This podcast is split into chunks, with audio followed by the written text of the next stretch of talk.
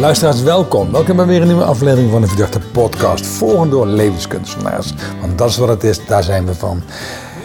En in de serie van het uh, duiken in dynamiek in Yvonne zijn we vandaag beland in Nijmegen op een stralende ochtend. Zonnige, zonnige dag. Ja. En uh, we zijn bij Lucas Derks.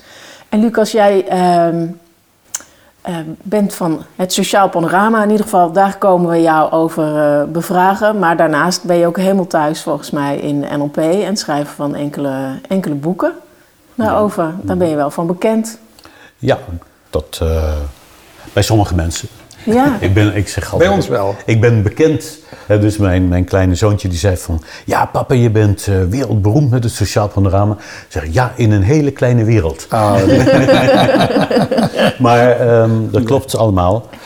Um, ja, wat daar denk ik de achtergrond van is die interessant is... is dat ik sociale psychologie heb gestudeerd. Mm -hmm. En dat ik dus toen NLP ben tegengekomen toen ik 27 was. Dus... Uh, in 1977. Mm. En dat dus die sociale psychologievraag bij NLP steeds leefde. En dus dat ik ongeveer in het begin van de jaren 90 op het idee kwam: aha, uh, zo, via submodaliteiten, zou je dat aan kunnen gaan om wat relaties zijn en wat groepen zijn en wat nou ja, het sociale leven, ja. Mm -hmm. dat dus zo te bekijken. En. Um, en dat leidde dan op een bepaalde tot sociaal panorama. En dat woord heb ik volgens mij in 94 voor het eerst ergens opgeschreven. Zo uh, sociaal panorama. Out of the blue. Nou ja, dat was eigenlijk omdat ik zag van... Je hebt de tijdlijn. Ja. En uh, dit is geen lijn, dit is rond. Dus landschap, panorama. En zo kwam ik erop. Een groothoeklens. Ja, precies. wat, wat, wat ik zo leuk vind is... Um, hoe komt een gast van 27 jaar op het idee om vanuit de wetenschap naar zoiets semi-wetenschappelijk gedoe als NLP te gaan. Ik bedoel, bedoel, wij NLP'ers hebben nogal wat over ons heen gekregen, Lucas. Ja, nou ik heb toevallig net een stukje erover geschreven, maar daar heb ik het nou niet over. Ja. Maar ik kan het precies vertellen, want um, ik was dus uh, uh, eerst beeldend kunstenaar. en ik uh, deed aan bergbeklimmen en daarbinnen kwam ik dus allemaal psychologen tegen. En mijn fascinatie voor de psychologie had ik al heel lang. He, dus dat was al zo. En, maar ik had dus geen goede vooropleiding eigenlijk. En toen uh, uh, zat aan mijn touw de coördinatrice van sociale psychologie. Aan mijn touw? Als klimmer bedoel je het ook, ja. Jullie zaten aan hetzelfde touw. Ja, aan hetzelfde touw. En ik zat voor aan het touw. En dat is altijd heel belangrijk bij dat klimmen. Ja. En toen vertelde ik dat ik daar interesse in had. Toen zei ze, dat moet je nooit gaan doen.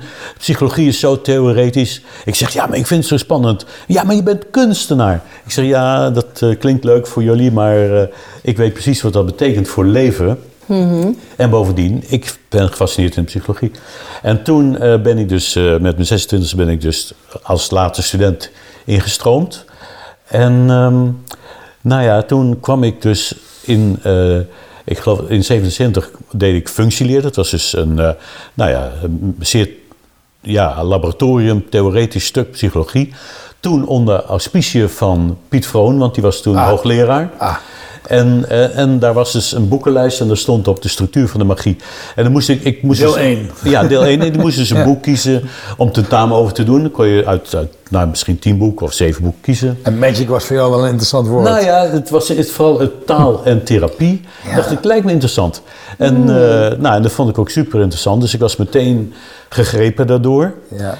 En uh, ze kondigde ook al meteen aan dat het deel 1 was en dat er een deel 2 zou komen. En uh, Klopt. nou ja, daar heb ik heel lang op moeten wachten, want dat duurde lang voordat deel 2 kwam. Ja. Maar um, ja, dat was voor mij dus het, de liefde op het eerste gezicht, zou je Ah, kunnen mooi. zeggen.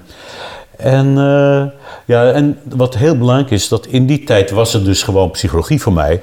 Want ik kreeg dat binnen mijn studie.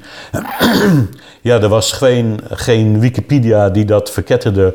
Of er was geen... Uh, Onkruid iemand- of, of de, de, de, de... kritiek op, want het was gewoon nieuw. En uh, dus ik deed niks wat pseudo-wetenschappelijk was. En uh, ja, ik heb gewoon braaf een 6 gehaald voor de tentamen. en, En al je onschuld was je dat dan doen. precies. En voor- daarom heb ik ook besloten dat voor mij is NLP nog steeds psychologie. Oh, heerlijk. Ja. Oké. ja, wat zou het anders moeten zijn? Ja. Ja, je hebt het ooit gehad in je studie. Precies. En voor jou is het zo Ja. gebleven. Ja, ja. Ja, ja, het is natuurlijk verankerd. een, een keus, omdat er wel eens besloten is dat het dat niet is. En Ja. hele hetsen. Maar, maar voor mij is dat het gewoon. Dus zo, en daarom zie ik mezelf ook nog steeds eigenlijk als eh, ja, psychologisch onderzoeker. Ja. En ik doe dus dan die praktijk van NLP doe ik eigenlijk als onderzoek. Hè, dat, dat is, heb ik zo altijd een beetje voor mezelf gedefinieerd. Naar mensen. Ja, onderzoek naar hoe werken mensen. Omdat ik dacht van, nou ja, het beste voorbeeld is eigenlijk zo Change Personal History. Je, je geeft dat een halve dag. Mensen gaan dat oefenen en overal werkt het meteen. Ja. Nou, dan denk ik van, ja, ja, het is zo, die stap, die stap, die stap. Het is gewoon een experiment. Als ik wetenschapper ben, kan ik zeggen van ja, we herhalen dat experiment altijd weer, maar dan ook echt met duizenden mensen. Hè, misschien wel met honderdduizenden mensen. Dus als dat altijd ongeveer zo werkt, nou ja, als ik ben dat, dat zeker 27 jaar onderwezen, als het niet langer is. Hè, dus dan heb ik dat wel gezien hoe dat werkt. Ja. En dan kan ik daar conclusies uit trekken. Die zijn wetenschappelijk. uitleg om het Ja. eh, wetenschap, want dat is hoe ik als hè, wetenschap heb leren kennen. Zo van het is herhaalbaar en toetsbaar. En dan, als je steeds dezelfde uitkomst krijgt, dan kan het onder wetenschap vallen.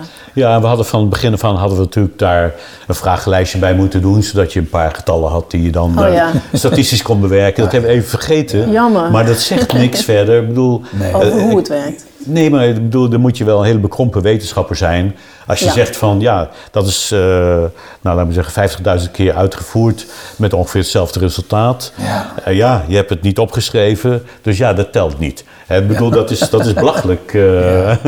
Maar het interessante is wel, jij die van de groothoek bent, wat, wat, wat we net even zeiden. Ja.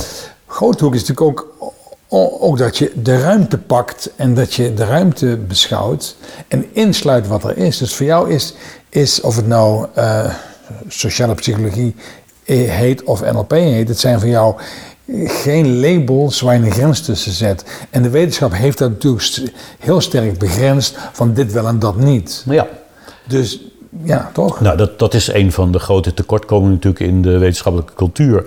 Hè, het hokjesdenken en het Die en territorium verdedigen en Ja. het eh, andere buitensluiten. Dat, is- hè, dat zijn die dingen die, die zijn ook voor de wetenschap zelf enorm vertragend. Ja. Hè, want eh, Ja, killing. ja, kijk, wij, wij doen nou 45 jaar doen wij NLP. Ja. Hè, en het is nog steeds verboden voor als je klinische psychologie studeert.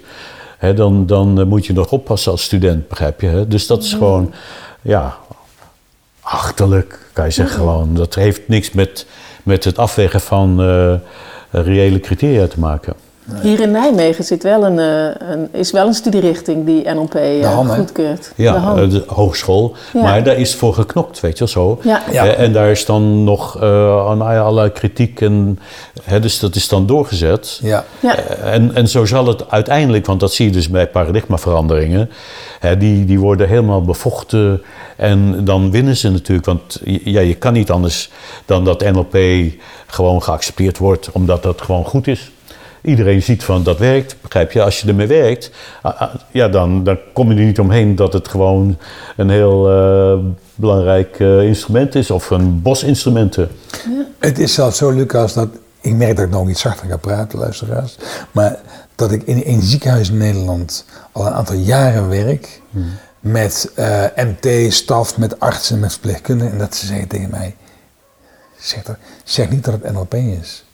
Ja, Maar ze vreten het als, als spritsen. ja nee, maar dit is toch... en omdat ze merken, dit werkt. Dit, Ja. dit, dit, dit is een helende ervaring voor ons.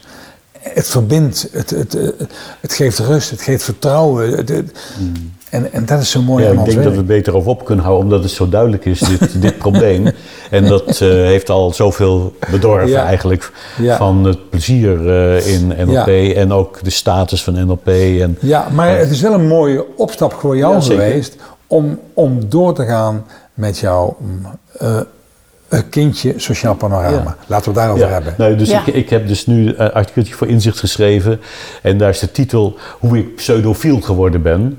En, en dan dat pseudo van pseudowetenschap. Omdat ik eigenlijk uiteindelijk eruit ben gekomen van... Ja, maar daar eh, zijn altijd wat, wat af... Wat pseudo genoemd wordt, laat ik maar zeggen. Hè, en probeert eh, wat verketterd wordt eigenlijk. Ja. Daar is altijd de vooruitgang. Ja. Hè, want daar is kennelijk gevaar. Ja. Eh, nou, maar dus ik, ik denk dat het goed is om te stappen naar dus Ja. opstellingen en eh, sociaal panorama. Graag.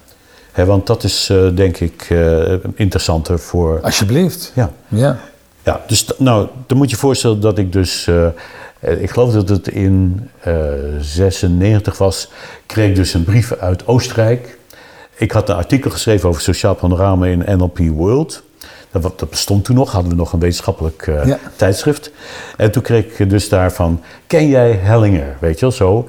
Want Hellinger, zijn werk, dat berust ook heel erg op dat de ruimtelijke eh, ervaring van sociale dingen. Ja. En ehm, nou, die kende ik niet. Toen ben ik hier over de grens eh, gegaan naar Kleven, Boekwinkel en eh Ordnungen de Liebe besteld. En ehm, dus zo zag ik van, verdomd, weet je wel zo, dit is enorme bevestiging van hetzelfde principe, maar ook niet helemaal hetzelfde. Het is uit een andere filosofie, et cetera. Maar het fenomeen, hè, dat, eh, dat kan je wel zeggen, van, daar kom je er niet omheen als een onafhankelijke eh, ontwikkeling ja, vergelijkbare dingen laat zien. Het veld, natuurlijk. Ja. Nou ja, dus dat, dat woord gebruik ik dan niet. Oké. In sociaal panorama gebruik je niet het woord veld. nee, dus ik, eh, ik kan wel uitleggen waarom ik het woord veld niet gebruik. Vertel. Maar dan krijg ik waarschijnlijk ruzie met jullie. eh, Nee, maar, eh, natuurlijk niet. Nee, maar dus... kijk, ehm, ik, ik zal vertellen wat ik wel gebruik. Ja. Ja, Dus, ja, ja. Kijk, dus een van de dingen die ik ontdekt heb door dit te doen... en dat noem ik nou dus mental space psychology, mentale ruimtepsychologie... is dat wij rondlopen met al onze gedachten en al onze ervaringen in de ruimte om ons heen. En dat ons brein, hè, dus in ons brein, in de hersenen ervaren we niks. Maar het brein projecteert alles wat we ervaren om ons heen. In ons lichaam en om ons heen. Dus als we iets denken, dan denken we het hier. Nou, en we nemen het ook daar waar. En je kan zeggen van een waarneming. Als ik dus bijvoorbeeld eh, nou, daar een vogeltje zie, laat ik maar zeggen. Hè, dan zie ik hem daar. Maar binnen een flits van een seconde eh, projecteert mijn brein daar waar die is. Dan hoef ik niet eens meer te kijken, maar dan weet ik, daar is een vogeltje. Ja. Begrijp je? Hè? Dus, die, dus dat brein dat consolideert die waarneming de hele tijd voor mij. Zodat ik dus eh, nou ja, overal kan zijn en weet wat er om me heen is. Ja. En, eh, nou, en dat is eigenlijk een heel fundamenteel psychologisch principe. Hè, en het probleem in de, in de psychologie is, en door de neurowetenschappen, dat men dus helemaal op de hersenen eh, gefocust is en niet op de ruimte eromheen. Dus dat betekent dat men al op zoek is naar waar zit in de hersens iets als er iets gebeurt, begrijp je? Hè? Maar ze kijken niet van ja, dat het verbonden is met dus die ervaringen die eromheen zitten. Tenminste, dat is- is wel een beetje zo, hè, want er is niks absoluut, maar dat is wel de tendens. Hoe weet jij dan dat het eh daar buiten, hè, dan maak je zo de handbeweging, zo van het is daar. Eh, hoe weet jij dan dat het dan daar buiten is, als die andere wetenschap zegt nee, daar is het niet? Ja, nou, er zijn wel wetenschappers die weten dat het daar is. Hè, zo, de, de, er zijn eh, mensen die zijn begonnen met dat proberen te combineren. Hè, dus dat is zeker zo. Daar is ook onderzoek naar Onderzoek, gedaan. ja. Dus Miller en Goodale bijvoorbeeld, die hebben een theorie over twee sporen in het brein. Waarvan één spoor is waar is iets in de ruimte. Waar is iets in de ruimte? Ja, Hè, dus de locatie van iets in Ja. de ruimte. Hoe, hoe weet het brein dat iets daar is? Maar, ehm, maar dat is toch een beetje nog vrij primitief gedacht. Omdat, kijk, door te werken met het sociaal panorama onder andere... Hè, dan kom je dus tot de vraag van... nou, als jij denkt aan jouw geliefde... waar denk je haar dan of hem? Ja, als jij die gevoelens van liefde hebt, waar, waar is dat? Nou, en dan zegt ze, ja, het gevoel is in mijn lichaam meestal. Hè? Mijn hartje klopt van binnen warm voor deze persoon, weet je wel Ja. zo. Hè? Ja. Maar als ik dan aan die persoon Ja. denk, dan is die hier of daar of daar of daar. en dan maak je weer de armbeweging voor de luisteraars zo om je heen. Ja. Om je heen, ja, en dan binnen handbereik meestal dus Ja. dichtbij. Kijk, en, en als je dus dan met sociaal panorama werkt, dan ontdek je van, dat is altijd zo. Kijk, en als je dus een, een cliënt hebt en die zegt van, ja, mijn geliefde is op vier meter, dan doen ze het niet meer met elkaar.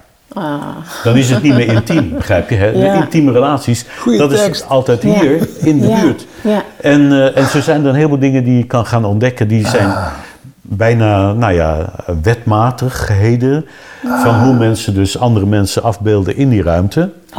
Waarbij het dus bijvoorbeeld gaat als jij dus denkt van, ja, die persoon dat is een autoriteit voor mij, hè, Sinterklaas. Nou, die is niet daar. Ja, als je er niet meer in gelooft, misschien daar, is die beneden. naar beneden. Ja. Maar, maar dus een autoriteit is bijna altijd hoger met zijn ogen dan jezelf. En, en dat was ook een van de eerste ontdekkingen eigenlijk van het Sociaal Panorama. dat is hoe autoriteit speelt. Nou, autoriteit is natuurlijk als sociaal psycholoog, hè, dat is een heel interessant onderwerp, omdat dus aan de ene kant is het in onze sa- samenleving een taboe. Want eh, Mhm. wij hebben een enorme hiërarchische samenleving in principe. Maar we doen net maar alsof- daar heb je het niet over, want eh, Nee. Mhm. dat gebeurt gewoon met je. Maar als je dus kijkt hoe je het maakt, dan is het door iemand boven je te plaatsen. En, en het geheim is dat als je denkt van, nou, die wil ik niet meer als autoriteit, dan plaats je hem gewoon wat lager en dan valt het meteen weg. het hele gevoel van autoriteit is dan meteen weg. Ja.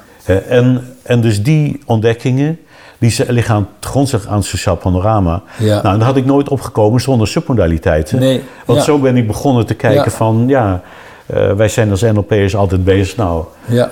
wat is je doel, weet je wel? Maar dan vragen we meestal, wat is je doel, weet je wel zo? En dan eh, zit al die hand daar in de lucht van waar je dan moet kijken, waar je of naar de toekomst. Alsof het doelde, ja. ja. Ja, en, en dus zo, eh, als je dan gaan de, vallen, laat me zeggen, de, de schellen van de ogen, dat je ziet van, oké, alles wat wij doen, wat onze cliënten doen, hè, als we met de cliënt de swish doen, of als we gewoon, nou ja, logische niveaus, of wat dan ook. Ja. Het is altijd dat we bezig zijn die ervaring ruimtelijk Ja, ruimte. te laten gebeuren, ruimtelijk te organiseren. En, en de veranderingen die eh, blijken ook altijd in de ruimte plaatsvinden. Want kijk, als jij dus zegt van nou, ehm, ja, ik heb eh, problemen met mijn partner, weet je wel zo. En ik vraag waar is die partner? Zeg ja, nu is die hier zo aan de zijkant, zo daar op drie meter. Oké, wat heeft hij dan geflikt, weet je wel? Nou, dat en dat en dat. En, eh, nou, en we doen daar iets mee, laten we zeggen, traumaverwerking. Of, Ja. eh, eh, en, dan, nou, en dan zeg je van, nou, hoe voel je je nu over? Ja, nou, eigenlijk is het wel weer goed. Waar is die nu? Hier, weet je wel zo. Dan is die Dichterbij. ruimtelijk verplaatst. Ja, ja, dat ja. kan niet anders. Hey, maar ik- wat, wat ik, een vraag die op mijn lippen brandt is: ehm, hebben waarden voor ons dan allemaal een eigen afstand tot ons? Nou, kijk, dat is als je zegt van alles is in de ruimte, dan is ook echt alles. Hè? En dan is het ook als je zegt van nou, mensen hebben eh, verschillende uh, waardesystemen met prioriteiten voor bepaalde Ja, waarden. ja. Dan kan je gewoon vragen van oké, denk aan gezondheid bijvoorbeeld of aan geluk. En wijs eens aan waar je dat waarneemt. Nou, en, en soms moet je even helpen dat je dan zegt van nou schrijf het woord geluk even neer in je gedachten omdat het natuurlijk een vrij abstract iets is. Want mensen dan, die raken dan soms in de war, omdat ze dan... hè, ze kunnen het wel beantwoorden. Ze zeggen, ja, geluk is eh, hier. Of Hè? een symbool zou, Ja, zou dus en dan wijzen ze misschien naar boven. eh, Want geluk is alles voor mij, begrijp je? Dat is Ja, het belangrijkste ja. voor mij. En dat kunnen ze zo zeggen. Maar als je dan vraagt van waar is het dan precies? Ja, hoe weet ik dat nou? Hè, dan kunnen ze in de war raken. Als je zegt dan, schrijf eens het woord geluk. Ja. Wat dan jouw waarde geluk representeert. Waar zou die zijn? Nou, dan zeggen ze hier, oké. Nou, en nou wil je dus gezondheid belangrijker maken dan geluk. Precies. Nou, dan haal je dat een beetje omlaag zo. Zet iets verder weg, maak het misschien iets kleiner. En dan zet je gezondheid zet je daarboven. Daarboven, en, ja. en dan wandelt het brein wandelt dan vanzelf mee. En dan heb je op dat moment heb je voor iemand dus de waarde gezondheid belangrijker gemaakt dan geluk. Tenzij natuurlijk bezwaren tegen zijn. Hè, dat die persoon dan denkt van ja, weet je, dan moet ik elke dag gaan trimmen. Of eh, dan moet ik, eh, nu kan ik niet meer lekker eh bier zuipen of zo, begrijp je? Hè? Nee, dat is snackbar. Dus dat wil ik niet. Hè, maar, maar als het dus kan, weet je wel, dan is het met die ruimtelijke verandering Ja. is het klaar. Is het. Prachtig. Maar waar ik heel erg aan moet denken is als jij het hebt over waar staat iemand, dat doe je bij systemisch werken natuurlijk ook Precies. enorm. Zeker als je eh, een, een tafelopstelling doet, dan is dat ook altijd een vraag. Waar kijkt deze? Hè? Naar, waar kijkt hij naar buiten? Kijkt hij aan? Wie kijkt elkaar aan? Kijken ze, eh, kijken ze allemaal naar hetzelfde of juist allemaal naar iets anders? Dus daar is ook de ogen en, Ja. en oogcontact Ja. eh, heel belangrijk. Ja. Eh, en minder heb ik zelf tenminste nooit zo meegenomen is Hoe hoog zijn die ogen? Als het dan bijvoorbeeld gaat over autoriteit. Maar wel afstand en Ja, nabijheid. hoogte in relatie tot je eigen ogen. Hè? Ja, Dus dat, dat is het. Nou ja, dus daar, daarin kan je zeggen dat in opstellingen. eh, die dingen die daar belangrijk gevonden worden, die zijn hetzelfde als in het sociaal panorama. Ja. ja. Eh, en eh, nou, het voordeel van het sociaal panorama is dat je geen representanten nodig hebt. eh, en dat je ook niks nodig hebt eigenlijk. Hè, dus je laat het mensen zo bedenken. Dus dat is een voordeel. En eh, ja, wat, wat ik ook eh, vind is dat er dus een hele directe feedback is... eh, daardoor hoe het zit bij iemand. Ja, dus ik, ik snap nu, dus je vraagt aan mensen ehm, waar een ander zich bevindt of waar de anderen zich Ja. bevinden. En dan? Ja, nou ja, dus een van de dingen die, die belangrijk zijn om het te snappen, dus wetenschappelijk, is dat dus die kennis van dus je sociaal panorama zit waarschijnlijk bij de meeste mensen in de rechter hersenhelft. Is achtergrondkennis. Dus je zou kunnen zeggen, zoals ze vroeger in NLP zei, onbewust rechter hersenhelft. Nou zeggen we dat niet meer zo. Tenminste, ik niet. maar, maar ik zeg dan meer voorgrond, achtergrond. Dus je, dus je rechter hersenhelft die projecteert in de ruimte om je heen met je lichaam in kluis. En je linker hersenhelft die projecteert hier zo voor in dit gebied waar je normaal zit te denken en te bedenken weet je, wel, en te rekenen. En hè, waar je aandacht zit, waar dingen allemaal veel scherper en duidelijk zi- zijn. Ja. Dat is het werk van je linker hersenhelft. En je rechter hersenhelft bij normaal neurologisch georganiseerde mensen, dat zit er omheen. En daarin zit dus die... Als een boog, als een cirkel zie ik je Ja, met je zo, ja, maar dat kan wel meters Ja. eromheen zijn. Ja. Het heeft eigenlijk geen einde. Ja. Ehm, maar, maar dat is dus dan ehm, van een andere kwaliteit. En dat betekent Ja. dus daarom moet je ook mensen laten switchen eigenlijk van dus, en dat doe je altijd door soort transinterventies, van eh, voorgrond naar achtergrond. Dus dan, en dat, dat is wat je doet als je zegt van oké, nou je hebt dit verteld, nou ontspan je, weet je wel, stel je me even open. En waar is nou in jouw gevoel, intuïtief of wat dan ook, jouw partner of jouw baas, weet je wel zo. En dan hebben ze even van ja, ja, ja. ehm, eh, en dat is nodig om dus die overschakeling te maken van waar ze zitten in dus die linker hersenhelft, eh, die aandacht voor dat, naar die aandacht voor meer Het dat. ruimtelijke ja, en, aspect. en dan komen ze met een bepaalde onzekerheid natuurlijk. Ja, eh, als ik zou moeten zeggen, hier, begrijp je, hè? zoiets zou Ja. iemand dan zeggen. Maar die is niet zeker. Nou, in opstelling hè, laat je iemand, iemand neerzetten. Ja. En, en daar zit al vanzelf zo'n beetje zo- zo'n soort trans ding in. Maar natuurlijk niet altijd en niet iedereen. Er zijn mensen die blijven vasthouden aan eh, analyserend denken. Ja, en daar kan je dat dan niet goed mee doen, begrijp je? Omdat die dan, eh, die hebben geen contact met hun, in mijn idee, sociaal panorama. Eh, omdat die dan iets zitten te construeren. Ah ja. Hè, zodat... Ja, en, en, vanwege waarschijnlijk omdat, daar dan, omdat het dan zo spannend is. Ja, maar ook omdat ze dus... eh, sommige mensen hebben minder toegang Ja. tot intuïtief denken dan anderen. Ja, Hè? En, ehm, absoluut. Kijk, en als je dus bijvoorbeeld dit weet van hier en dat, dat betekent eigenlijk dat dus eh dit switchen van eh, linker naar rechter hersenhelft, hè, en, en dat kennen we ook van Ericsson, weet je wel zo, dat is eigenlijk, nou, eh, hè, dus laat me zeggen, zo ben je bezig eh, links, hè, dus dan zit je meer rechtop, dan zit je meer Te naar het focus, begrijp je hè? En, en dan moet je eigenlijk ietsje naar achteren en dan moet je openstellen voor het grotere geheel, begrijp je? Voor wijder. En dan heb je het, begrijp je? Dan, dan is je brein al omgeswitcht. Mooi staat. Ja, en Super dat, leuk, want dat is natuurlijk ook een van de dingen als, als wij eh, eh, systemisch coachen aan mensen leren. Dan, dan is sommigen zijn zo gewend om eh, analytisch te denken, ook met hun coachie. En die, dat zijn ook mensen die zitten heel erg naar voren. ja. En dan eh, krijg ik altijd de indruk van, goh, die is hard aan het werk. Ga maar een beetje naar achter zitten. Ja. Maar wat jij mij nu ook duidelijk maakt, is dat is dus tegelijkertijd de switch naar de andere hersenhelft. Ja. Die zich bezighoudt met de ruimtelijkheid. Ja. Dat heb ik nooit geweten. Dat vind ik echt heel leuk om nu te leren. Nou ja, het mooie is ook dat eh, als je, eh, wij hebben het binnen het systeem eigenlijk ook over de analytische vragen en de meer systemische vragen. Analytische vragen is inzoomen. Doe je dus met de ene hersenhelft. En de meer systemische vraag is uitzoomen. Dus om Ja. het geheel te beschouwen, Ja, dat is, dan zoom je uit. Ja, dat is een hele goede metafoor, laat ik maar zeggen, om die Ja. beweging te krijgen. Kijk, en, en dus daar, dus de laatste jaren eh, doe ik dus systematisch onderzoek naar hoe zit nou die mentale ruimte in elkaar.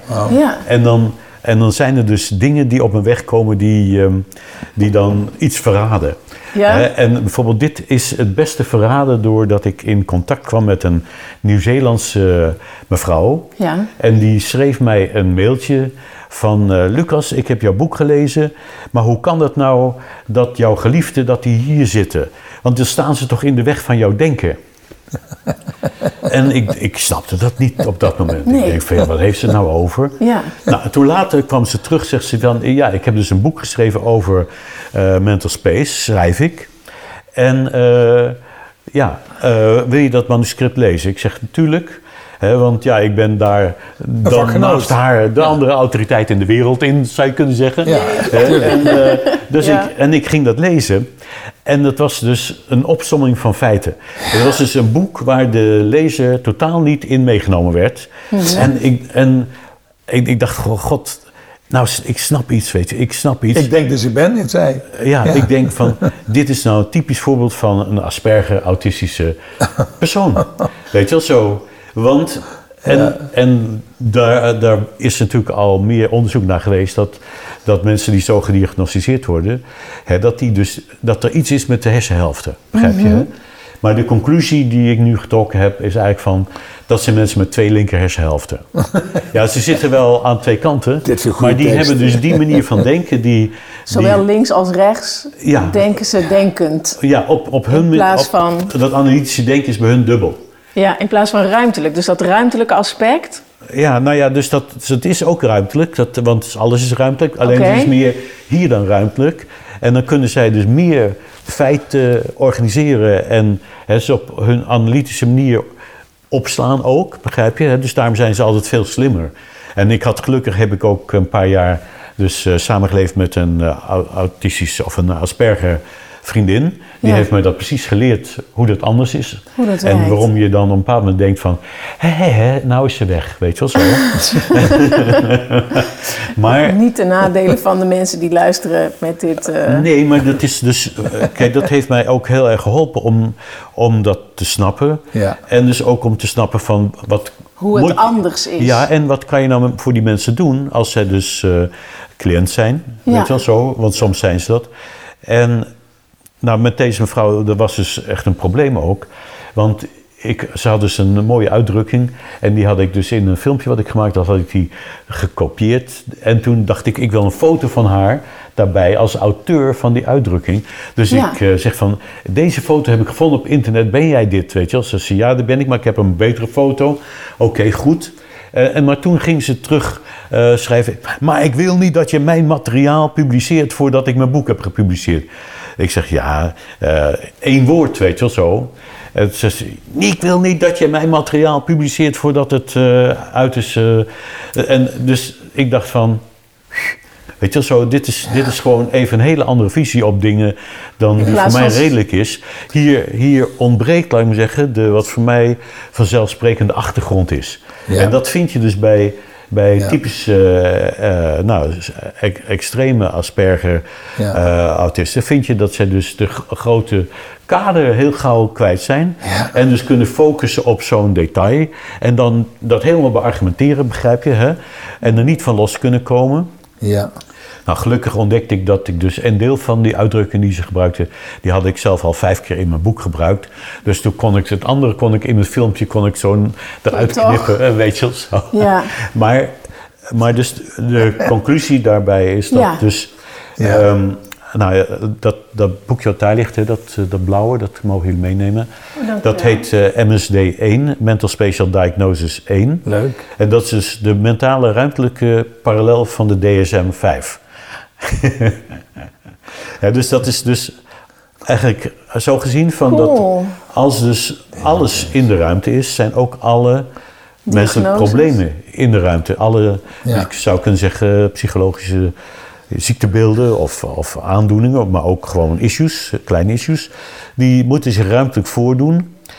En, eh, en die moet je dus ruimtelijk dan kunnen begrijpen. En dus daar gaat het eh, in dat boekje om. Dus het zijn allemaal plaatjes van hoe zit zoiets in de ruimte. En, en dat betekent ook dat bijvoorbeeld dingen zoals dat daarin staan, maar ook eh, nou ja, alles met uh, fobieën of trauma's of Totaal depressie. interessante toevoeging. Ja, want het is fijn is om dat wij dus nu ophalen bij jou, Lucas, dat wat jij zegt, alle, al onze gedachten, onze beelden, onze gevoelens, Waarden. al onze uh, uh, zintuigelijke waarnemingen leven ergens in de ruimte. Ja. Maar dus alles wat er in mij leeft, leeft in de ruimte. Maar alles wat er uh, tussen ons drie leeft, leeft ook ergens in de ruimte. Ja, leeft in de ruimte. Je moet, de ruimte moet je nemen als je lichaam. Ja. En de ruimte, eigenlijk ja. alles buiten je hersenen. Weet je wel, Ja. je, je hersenen die zie je dan van. Want als je dus, laat me zeggen, migraine hebt, hè, dat, dat voel je niet in je hersenen. Ja, die hersenen zijn er wel bij betrokken omdat je het voelt, maar het is niet iets van je hersenen, dat je het in je hersenen voelt. Dus het is iets rondom. Nou ja, dat zijn, dat zijn van die grensgevallen waar het dan interessant wordt om erover te discussiëren. Ja. Maar Ja. normale wijze is je ervaring nou, in je lijf en om je heen. En dan kan je zeggen, ja, het visuele, auditieve, gustatoire, weet je is om je heen, weet je wel zo. En daar voel je dingen bij. En dat is dus wat je brein dan produceert. Mooi.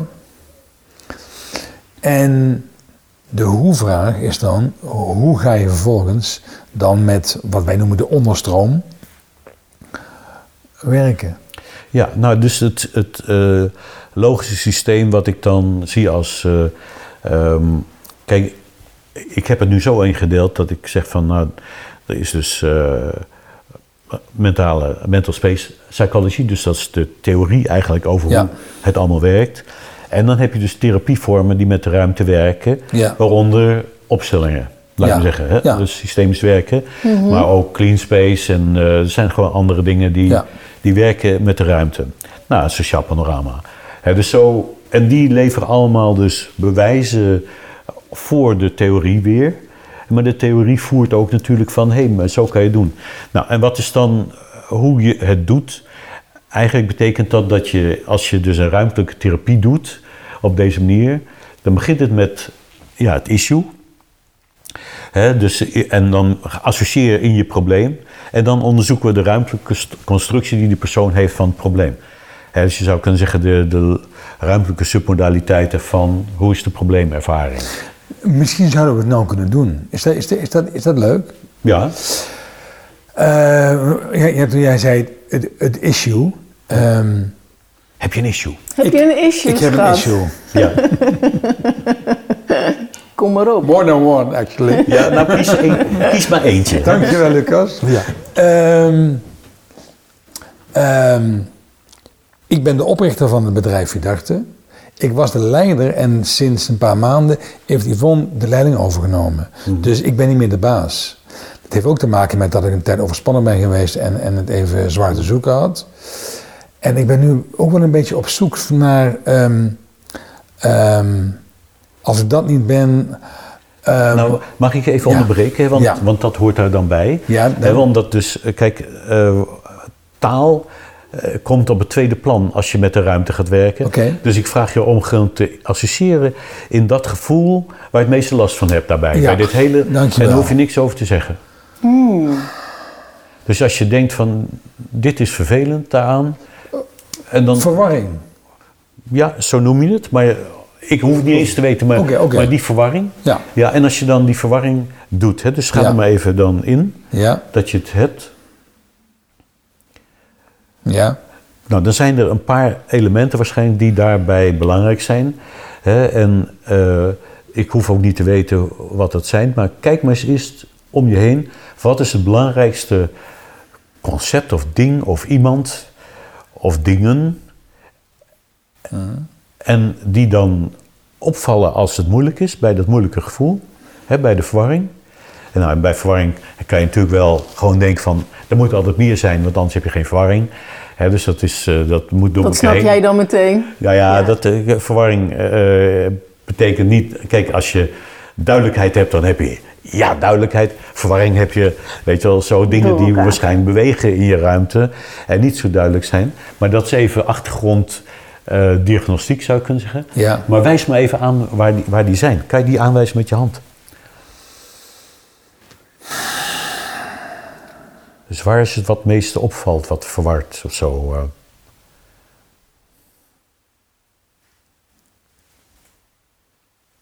Dat gaat zo. ja, oké.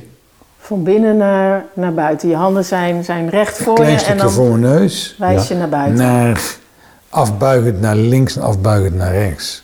Oké, eh, nou, dus dat, dan zou je kunnen zeggen van nou, dat is de ruimtelijke structuur. En natuurlijk kan ik er meer op ingaan, maar voor Ja. de korte Ja. eh, lijn. Ja. Eh, en, en dan kan je zeggen van nou, als je dus, dan kan je zeggen van ja, dat is dan het probleem. En in principe, wat ik net al zei, van geen verwarring. Hè, dat zou zijn dat het één ding is, of helder, misschien ook eh, lager, weet je wel zo. Hè, maar dat zou dan anders zijn. Hè, dus als je, nou zou gewoon domweg zou het zo kunnen doen, dat als je dat neemt, eh, breng dat dan eens even zo samen voor je neus hieronder. Dus dan gaan je handen naar elkaar en je hebt het lager met je handen bewogen. Dat is gewoon de ruimtelijke con- eh, structuur gewoon Ja, eh, veranderen in zijn tegendeel, zou je kunnen zeggen. Ja, ja. Doe ik. Heb ik gedaan. Ja. En, en wat betekent dat voor jou? Je hoeft het me niet uit te leggen, maar ga eens even na wat dat, eh, wat, of dat iets is. Waar je wat, Dat ik meer uitadem. ja, dus je voelt dan. Ja. En, nou, en wat zou het in de praktijk betekenen? Dus eh, wat ga je dan doen als, als dit het zou zijn? Het vertraagt. Ik merk dat mijn antwoord ook vertraagt. Ehm, en dan ga ik meer naar binnen.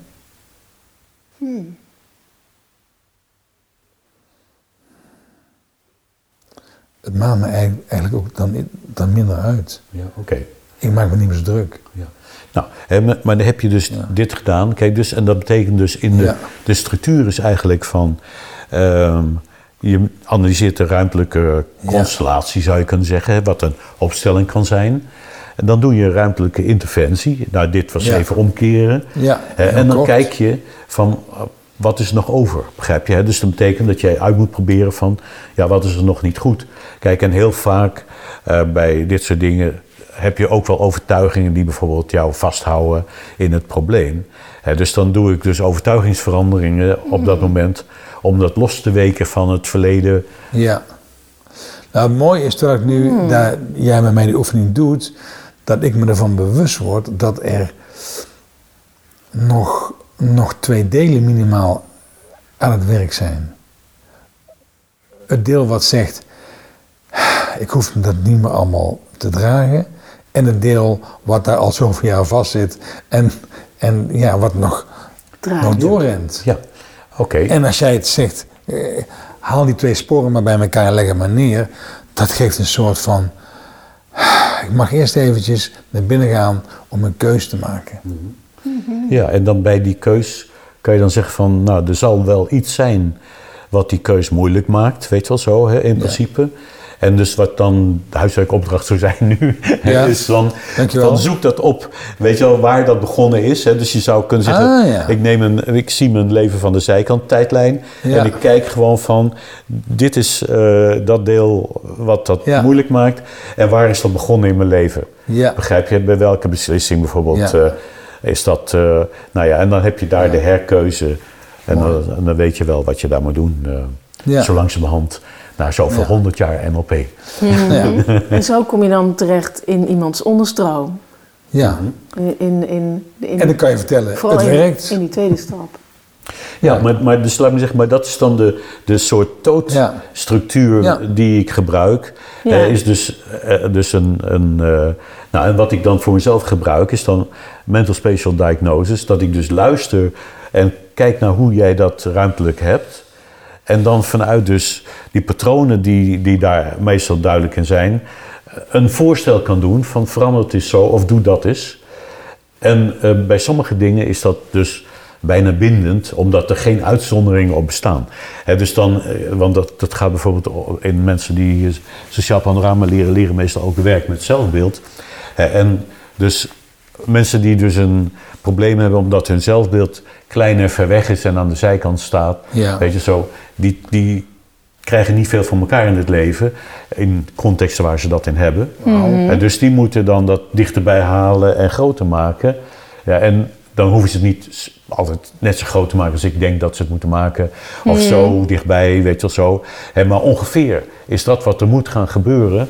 En dan als er iets tegenwerkt, begrijp je, hè, dan, dan gaan we kijken van, nou, wat werkt daar tegen? Ja. En dan kom je soms op hele gewone NLP-technieken om daar eh, wat mee te doen. Prachtig. Ik moet Ja. denken aan het lied van Karen Bloemen, Lef. Rijk niet naar de hemel, maar haal hem naar je toe. Wat vind je daarvan? Ja, nou ja, dat... eh, Dat is zo'n mooie match, dat wat je zegt. Ehm, is er een vraag die we nog niet gesteld hebben, die je toch echt nog wil beantwoorden in deze aflevering? Ehm, moet ik even denken, want eh, kijk, de, eh, dus ik kan nog wel een paar dagen doorpraten hierover. Ja, dat- dat had ik al ja. gedacht. Maar, dat is ehm, dus, dus bij al die dingen die ik zou kunnen zeggen, horen vragen. Maar ehm, eh, ik denk dat we gewoon essentieel bezig geweest zijn zo. Hè? En dat als iemand dit beluistert, dat die kan snappen van... eh, ja, dat eh, dus vanuit NLP en vanuit alle dingen die ik dan met Sociaal Panorama tegengekomen ben... dat ik op mijn oude dag, laat ik maar zeggen, nog eh, probeer verder te komen omdat ik, dus die onderzoeker in mij, die is nog niet klaar. En die wil nog gewoon, eh laat me zeggen, de psychologie verder helpen. Want dat idee heb ik altijd gehad bij eh, psychologie, weet je wel. Dat is gewoon een, een wetenschap die, ja, die nog in de kinderschoenen stond, staat. En die zo erg hecht aan de kinderschoenen, laat ik me zeggen. Oh, ja. En dan moet je dus eh, echt wel... eh Wat een schattige iets doen, uitdrukking. Weet je zo, eh, Geen afstand kan doen van de kinderschoenen. ja, dus neem nou eens, probeer nou eens een paar volwassen schoenen, weet je wel zo. Nike's. Wauw. Ja, mooi hè? Ja, gaaf om te horen. Ja, ik heb nog nooit iemand zeg maar, op deze manier over eh, psychologie horen praten... die het voor zichzelf ook in zijn eigen sociale panorama zo dichtbij heeft. Dus dat is leuk Ja. om, eh, om te merken. Ja, nou ja, dus kijk, een van de dingen die, die fout zijn met psychologie, maar met veel wetenschappen, is dat men het idee heeft, je moet specialiseren. En als je specialiseert, dan verlies je de overzicht, dan verlies je de grote picture. En, en dat is denk ik door NLP, door hands-on met mensen te werken, eh, dat, dus dat ben ik gaan doen. Eigenlijk was ik dat niet van plan om therapeut te worden of zo, maar NLP verplichtte mij eigenlijk om echt iets te gaan doen met mensen. Dat je gedwongen was ook om, om ja, al die aspecten erbij te nemen. En, dus dat, en dat geldt voor mij ook nog dat ik dus de, de laat me zeggen, de DSM-5 eh, klinische psychologie, weet je, wat ik altijd uit de weg gegaan ben, omdat ik al meteen voelde van, nou ja, weet je wel, dat voert tot niet veel bruikbaars, maar dat is eh, puur eh, bureaucratisch. Het zit enorm vast, hè? ja, Ja. en maar dat ik dus nu denk van ja, maar als ik, dat, ehm, als ik daar verder wil, dan moet ik dat eerst enigszins hebben. En zo is ook dus Ja. die MSD1 tot stand gekomen. Hè? Dus Ja. de, de typografie van de buitenkant van het boekje, die is gebaseerd op de typografie van de DSM-5. zo dat... Ehm, ik vraag me af of mijn aanname klopt, Lucas, dat eh, kinderen hier wel heel erg goed in zijn. in, eh, met ruimte werken. Of, Ja, Nou ja, dus, dus kinderen die zijn misschien, eh, hebben misschien makkelijker toegang tot die Ja. dingen.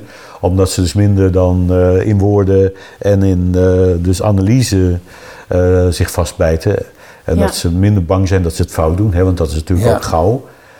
Dat, maar ik stel me voor als je een kind vraagt: oké, maak een tekening van alles wat er is, ja. wat wel fijn en niet fijn is, en geef dat allemaal maar eens een plek. ja. Dat Nou. doen ze gewoon. Ja, nou ja, dat, dat eh, dus, eh, kijk, het is ook in, in eh, maar, maar ook, eh, dus bijvoorbeeld in Berlijn heb je Prenzelcom. En die, dat is een op NLP gebaseerd psychiatrische instelling. Die is, dat is de, nou ja, een heel unieke instelling, Ja. omdat dat het enige is Nooit waar ze dus werken met psychiatrische patiënten op basis van NLP. En ze doen ook dan nieuwe fenomenologie. Dat is typische Duitse, Duitse zichtwijze. Eh, maar die, eh, dat doen ze ook. Maar die eh, hebben dus een model. En ik, ik heb al sinds 97 contact met hun. Ah. En ze hebben dus ontwikkeld bijvoorbeeld het aspectenpanorama. En dan en nemen ze zijn cliënt, die nemen ze mee in een ruimte. En dan gaan ze het hele leven van die cliënt, wat allemaal wat er nu is, gaan ze ruimtelijk representeren met papiertjes op de grond, weet je wel zo. Ja. Alles. Ja, en, dus, en vooral alle dingen die dan echt vervelend zijn, Ja, maar ook die... die ertoe doen. Ja. Ja. En dan eh, gaan ze dus eh, naar een andere ruimte en dan gaan ze zeggen van... Oké, en hoe? En de hele lijst. Hoe zou dat moeten zijn, ruimtelijk? Waar zou dat moeten zijn? En dan bouwen ze dus een andere ruimte die dus, daar moet ik zeggen, de goede ruimte is, weet je wel? Ja. Dus de, Prachtig. de, de gezonde ruimte. Hoe zou je het willen hebben? Ja, ja. Ideaal. En, dan, en dat is natuurlijk heel NLP, weet je wel, huidige toestand. Eh, ge- eh, gewenste toestand. Ja. En dan eh, wat het volgende wat ze dan doen, dan brengen ze dus die cliënt weer terug naar zijn ellende, weet je wel, zo. Oh ja. Eh, en dan, eh, nou ja, dan zijn ze meestal zeer gemotiveerd geraakt. En dan gaan ze met ze aan, aan de gang. Prachtig. Mooie metafoor. Superleuk. En ook toe- toepasbaar in het systemisch werken natuurlijk. Ja, in de zin van zet neer hoe je huidige situatie is. En eh, het eh, ideale eh, beeld. Mhm. En wat ik nu daarin eh, meer begrijp is dat het niet alleen iets is waar je dan naar kijkt. En waar je dan gevoel bij kan hebben. Maar wat, dat het ruimtelijke aspect er alleen ook al toe doet. De- Ja. Iets daarvan moet, moet, moet ook nog in mij landen. Maar ze ook, heeft me ook al enorm geraakt en geïnspireerd. Nou ja, wat, wat, wat, ik, wat misschien nog een vraag is dan. Hè? Dus, eh, dus wat dus denk ik de, de hindernis is, want daar kijk ik altijd naar, Ja. van opstelling naar sociaal panorama. Ja, Hè, mooi. Dus, ja. En dan denk ik dat dat, Dat is de vraag, de inderdaad. verliefdheid op het magische aspect van opstellingen. Hè, dus, want dus in de, hè, het mooie, de mooie rituelen, de- dat iedereen er betrokken bij kan zijn, ook het ontroerende, noem maar op. Weet je wel, dus dat je daar eh, dus een, een ja, kader hebt waarin mensen, ja, laat me zeggen, cathartische meebeleving kunnen hebben. En, en iedereen snapt het op basis van zijn eh, kennis van familie en dat soort dingen. Hè, en dat heeft iets supermoois. ja. En, en dat betekent dat je dus dan eh, bereid moet zijn om dat te zien als iets wat, waar mensen heel veel, eh, nou, ja, wat heel sexy is, laat ik maar zeggen, voor mensen.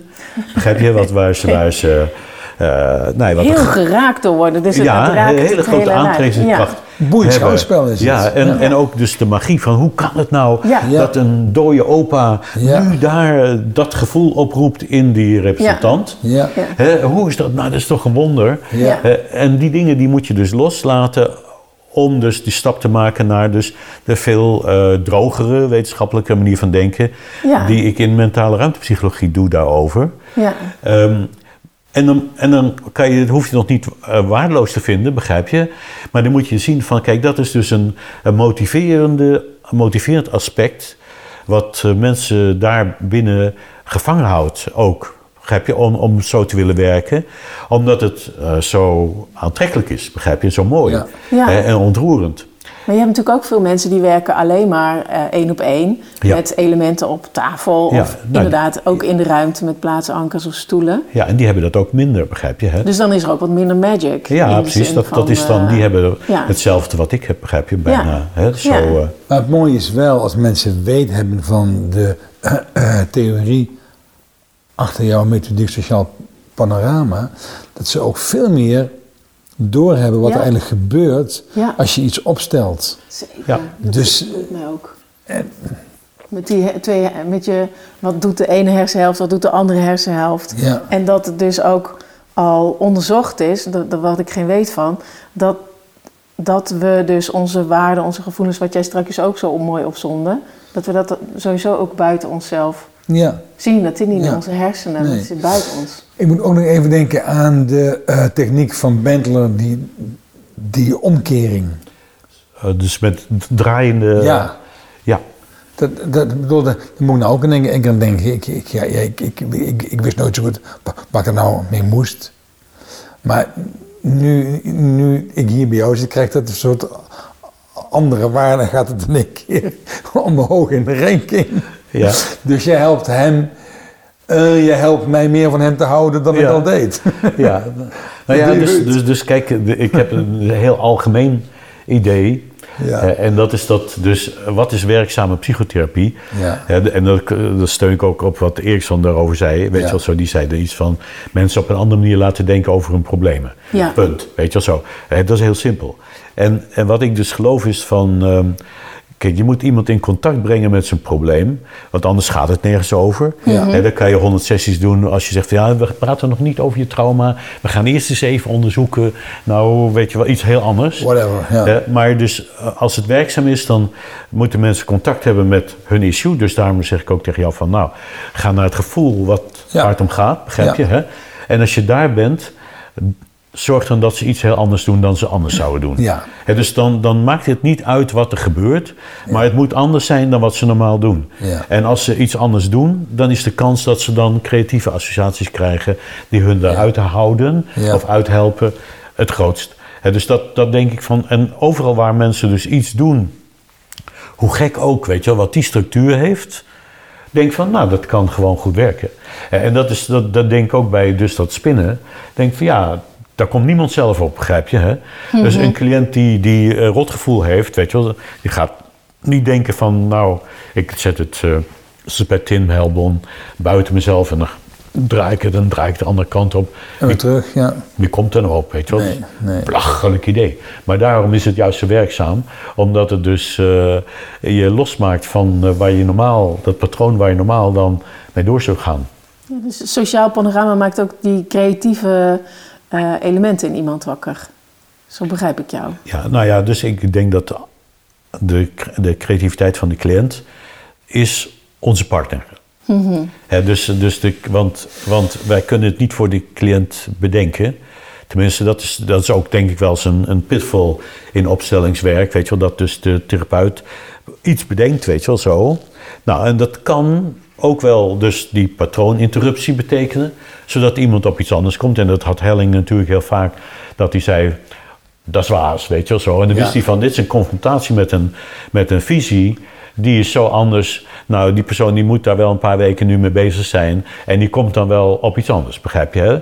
Eh, eh, maar, ehm, maar als je dus denkt dat je de oplossing bedenkt voor iemand, hè, dan kan het er wel eens ernaast zijn. En dan kan iemand ook dat wel eens loslaten en denken van, nou, dit is gekkigheid, weet je wel, zo. eh, Ja. Nou, ik ben er nog niet, weet je wel, zo. eh. ja. Tenminste, die, die heb ik ook wel gezien in opstellingen. Dus ik, eh, ik Ja. van de eerste keer dat Hellingen dus in eh, Nederland was, ja, ik weet niet of we al door onze tijd heen zijn, maar dat was in Maastricht. En toen had, hadden ze dus daar een cliënt voor hem gere- geregeld. Nou, en, en die man die, eh, die zou daar nooit voor genomen hebben in ieder geval.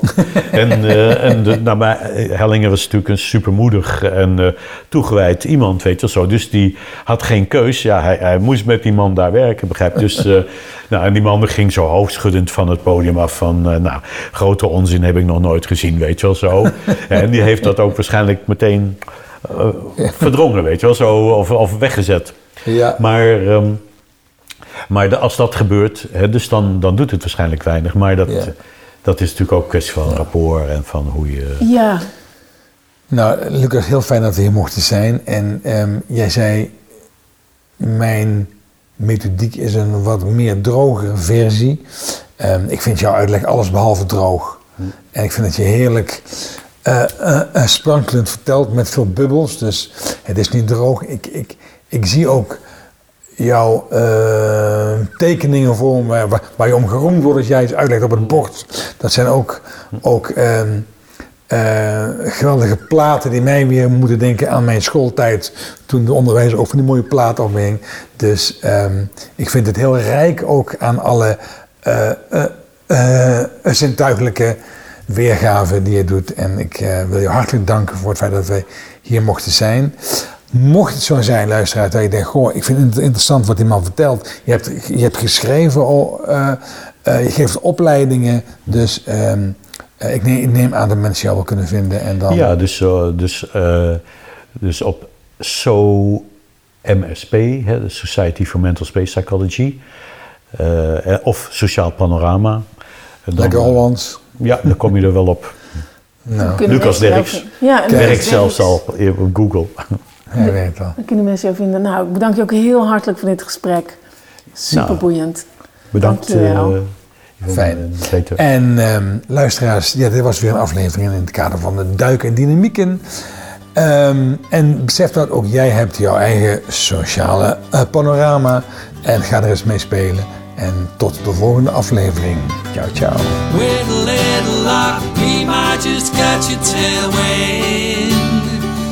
Fellow traveler, keep traveling, keep traveling.